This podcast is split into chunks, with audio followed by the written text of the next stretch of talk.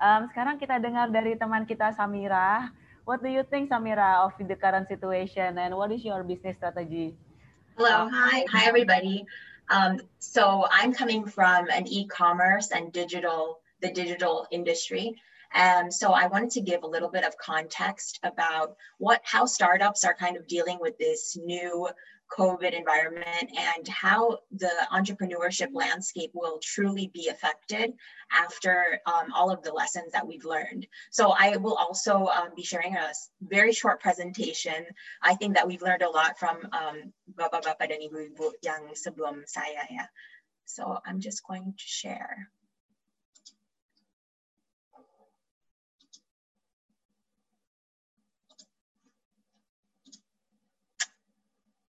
Okay, udah aman ya? Okay, Samira. Okay, so um, as uh, it was mentioned before, I'm in e-commerce. So I work, I'm the CEO and co-founder of Tinkerlust.com. So Tinkerlust.com, we are an e-commerce that serves both um, fast fashion and also luxury fashion primarily for females here in Indonesia. We launched around six years ago and kita juga udah diinvest sama GDP, which is uh, Djarum Ventures. So, um, so far what we've seen in e-commerce is there's definitely an acceleration as Pak Bambang had mentioned. In a lot of industries that we're seeing, especially here in Indonesia, there is a lot of acceleration, not because of the want, but it's also, it's more so because of the need to adapt. So so I want to kind of give an overview, mungkin dari micro, and that I will bring it back to the macro. So what we've seen in terms of shopping habits and what I've seen in terms of e-commerce shopping habits is Indonesia has already been very um, comfortable in digital shopping and digital activation. However, we've seen that more and more offline companies are coming online and now it's actually being becoming very noisy and there's a lot, there's definitely healthy competition. And from the consumer point of view, their behavior is that they're continuing to shop online, but their habits are changing. So before, um, definitely e-commerce was for shoppers that have already um, experienced, they're very comfortable going online and making purchases online. But now what we've seen is when they're making purchases online and new, um, you know, newcomers coming online, they're only making purchases for necessity, which definitely makes sense. So fashion is not necessarily a necessity because usually fashion is coming from your disposable income, right? So what we've seen is in fashion particularly, there is more transactions. However, transactions are becoming smaller and smaller. So um, you know, we've seen that before people were investing in more luxury items, but now it's more about, okay, necessity, and they are much more aware of the cost efficiencies of their purchases online. So this is kind of like um, kalau misalnya mau and give an analysis of like the consumer behavior, that's kind of what we've been seeing. We've also been seeing that when the first PSBB happened, there was definitely a drop in purchase behavior. But uh, right, there was a window when PSBB stopped before there was a second. There was actually what was called a revenge shopping, and many um, actually shopping outlets and e-commerce experienced this. So it was kayak kita puasa beberapa bulan dengan shopping, and then uh, we were like, okay, we want to reward ourselves. So that's actually happening on and on and off here, and um, that's one of the first trends that are happening. The second trend that is happening is more and more people are becoming um, you know, more comfortable at home. So they're developing and they're kind of erasing their previous habits of just like window shopping online and purchasing uh, for their non-necessity. And they have, um, they're kind of more inviting to the minimalist way of shopping and that is actually replacing their prior habits because you know habits it takes some time to um, kind of change and to adapt and that's kind of what we're seeing that we were forced into this new uh, normal this new behavior and that new behavior is actually replacing our old shopping habits so um, as we, as it was said before, e-commerce is huge in Indonesia, especially in, um, in, in terms of how it compares to Southeast Asia, the growth and also the um, economic push that it has um, it, it's it's it's um, very crucial for not only the financial benefits but also the job creation so what i mean by the job creation is it's not just in the bigger you know uh, players like the startups like for tokopedia or um, bukalapak but what i'm saying is it also allows individuals to create a source of income for themselves and work for themselves. There are now multiple platforms that can empower new entrepreneurs to have this source of revenue. And so what we've seen is uh, in the past uh, several years and before even COVID happened, this um, was going to grow eightfold. And so that's one of the things that um, we've seen getting accelerized. So in uh, the COVID era, e-commerce benar-benar jadi booming banget. So what does this mean for e-commerce players that were you know already successful or already apparent before covid? They have definitely more and more competition. So before covid the retail that were offline and they didn't they did not invest in online. They kind of had their two different playing fields. But now more and more players that were offline are coming online and investing more into the digital um, economy. And not not more like in terms of the technological development and also their e-commerce channels and also how technology enables their business. So we've seen that there's definitely an acceleration in digitalization for sure. And this is definitely great for both the consumers that are shopping online so that they have more um, you know choices to shop from but also for the development of the economy in terms of logistical needs um, online payments. So we are seeing that because more and more uh, consumers and the growth of the market share of digital are coming online more and more of these mungkin kaya old old school players that Munkin hasn't invited online, they are now open and they're making more an investment towards online. So this is like one of the things that we've definitely been seeing. For uh, e-commerce, that Munkin, we did not anticipate that kind of competition so soon. It is definitely putting our uh, the pressure on us. How do we continue to engage our audience more and more? Um, so here, there are definitely three winners. Numbers, the, number one is the customer and the customer in Java and also di luar Java. Soalnya sekarang um, they are more they allow themselves more to find other options in their consumer needs. Number two is obviously the company. They can now reach a larger market rather than just their local market. So this is another revenue stream that allows them to grow despite the current economic um, activity. And number three, I think the main winner that we have to like definitely uh, see is the platforms that have that are enabling both the consumer and the company. So these platforms, like for example, Tokopedia, it has experienced such a boom during COVID because uh, we're seeing that uh, Tokopedia, Shopee, Tinkerlust, we are seeing more and more of this supply increase so that it can satisfy the demand that is um, happening. Um, yeah, so that's one amazing thing. The e-commerce boom continues to happen and therefore allows for uh, you know, the creativity of entrepreneurs to continue to maintain. So um, that was kind of like my experience in e-commerce. As you know, I mentioned that uh, Tinkerlust, we're a funded company. So five years ago, uh, when we, we launched, after two years, uh, we secured funding. So we're a Series A company.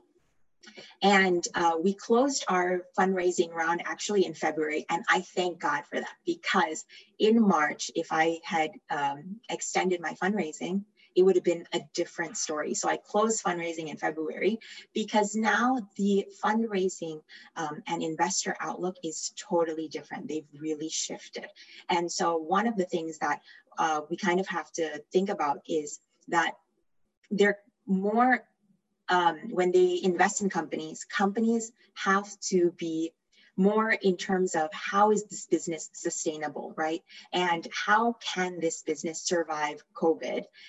And also, COVID is similar to like a stress test for um, uh, companies as well. So when we see when we kind of like reflect on that investors are becoming more conservative. And when we talk about uh, venture capital i usually talk about that in the sense of um, they are investing in tech companies and tech companies require five to maybe even 10 years to um, kind of break even or even become profitable. So even the unicorns in indonesia have not reached profitability and so what we're seeing is investors do not want to take that risk anymore.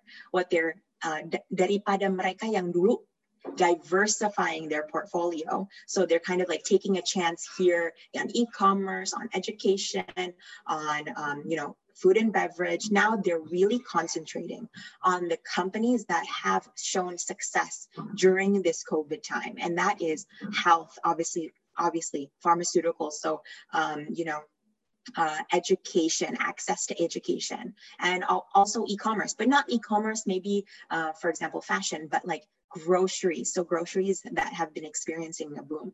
And also any platform that engages um, this kind of activity. So, you know, uh, what we're seeing is that investors are definitely becoming more, yeah, they're becoming more conservative, I, I would say. But when um, for certain industries where they feel like it is going to be successful, they will double down and they will definitely invest. That's number one. Number two is investors are investing currently in their own portfolio. So a lot of these startups are experiencing, you know, um, huge losses or layoffs. And so investors are kind of trying to make a bet with their current portfolio companies. So, what is the startup situation now? Like, as an, a CEO of a startup, like, how did I take it in the first um, couple of weeks? I remember actually in March when my co-founder was like, uh, you know, kita harus work from home. And we were having a discussion like, beneran nih work from home? How long? Because we are an e-commerce company, right? So, um, in turn, basically, how to do business is to ship our um, transactions and we have to fulfill these customer orders so we were kind of panicking and like we basically kalau we cannot ship our uh, products the, there's no business, right? So untungnya the, the government has realized that this is one of the essential pillars of business, right? Fulfillment. So um, you know, Tinkerlust and so many e-commerce, we we have been able to maintain our operations. But how did we kind of react to it um, on the other way and the business way. Number one is we cash conserved. So we thought cash is definitely king. As I mentioned in February kan kita baru fundraising. So we had a runway of about 18 months. Nah, dari 18 bulan itu kita benar-benar we try to forecast it so it could last for 36 months.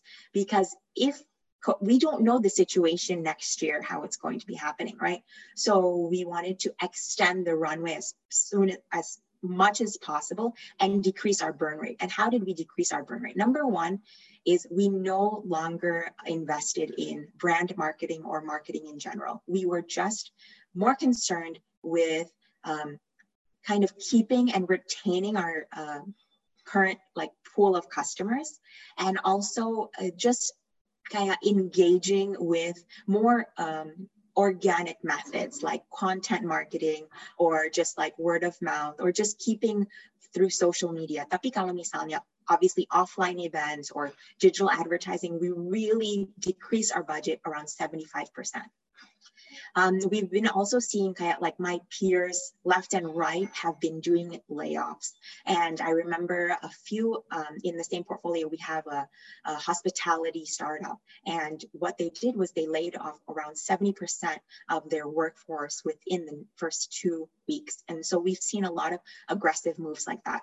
Tinkerlust, what we've been doing is we do unpaid leave. So even though we don't lay off our employees, we do take a cut, all of us, so that we can come together and save the company and survive together for the future. Um, so that's kind of like uh, a lot of entrepreneurs and CEOs alike, they have been understanding that right now the priority is survival. It's not about growth. It's not about you know being um, acknowledged for anything. It's about keeping our head down, working as hard as we can, and surviving.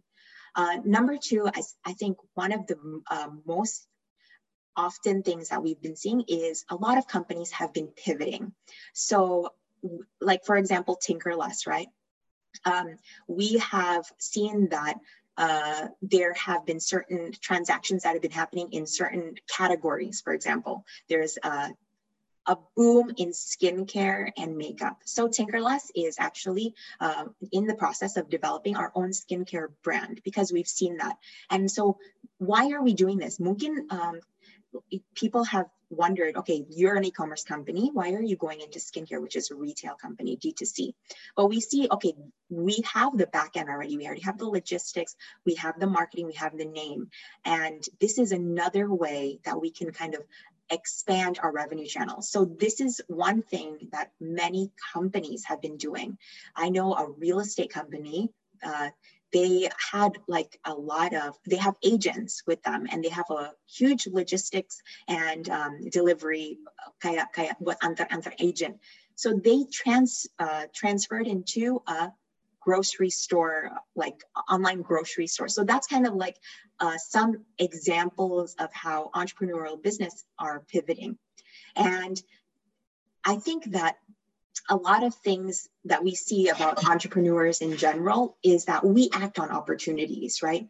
But we have to understand the business climate that we're in and okay, we have to just step on our two feet and see that mungkin ekonomi lagi turun sekarang or mungkin our business right now lagi turun and we're not getting the same ROI. However, we have to kind of we have to kind of magnify the opportunities and that's kind of our jobs as entrepreneurs juga how do we make kayak lemonade dari lemons gitu.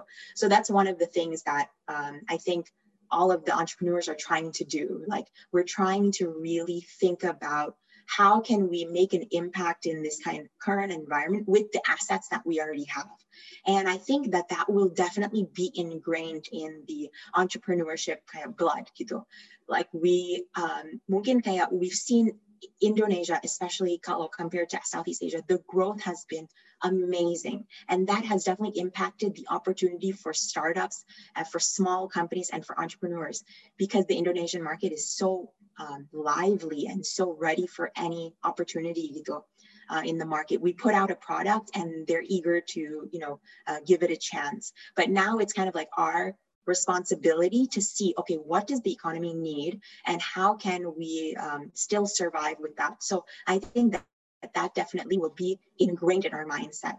The second thing that will definitely be ingrained in our mindset is we need to build a company to become profitable. So I think that a lot of e-commerce business, a lot of tech companies as well in the past um, five years when the e- like the startup ecosystem was coming into play, we didn't think about profitability. Instead, we thought about more vanity metrics. So vanity metrics is like, what's our sales, number of users, how many millions of people are coming onto the website. Obviously, we are very proud of Tinkerlust. We have more than a million users um, each month. However, at the end of the day, it's about the bottom line of the business. And the bottom line is profits. And profits lead to a sustainable company. So I think that this is the future of entrepreneurship.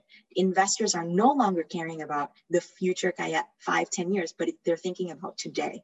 And so entrepreneurs are kind of living uh, the same the same way. And I feel very fortunate to be an entrepreneur living in uh, the COVID and having a company during COVID karena itu benar-benar salah satu stress test to determine whether your company will make it through the decades of time. And as an entrepreneur, um, you do want a legacy company. You want a company that will last um, n- not just through the good days, but through the bad days as well. So, um, yeah, that's a little bit of um, my personal experience of how you know e-commerce has definitely had a positive impact and also entrepreneurship in general with all of the lessons learned we are definitely uh, on the road for a positive and, and more enlightening experience um, for the future. Thank you so much. Thank you, Samira. Oh, it's very delightful to hear your sharing on how to survive and to recover. Um, you know, like I agree that startup and entrepreneurial businesses need to redefine the strategy like you did, like reduce marketing budget, more focus on content marketing and keeping the operation and survival. Also pivoting whenever is necessary and good luck for your skincare business. Uh, yeah, and also um, I think that's going to be successful. Also act on opportunities and also then focus for making profit for sustainability. Thank you, Samira, for all of that.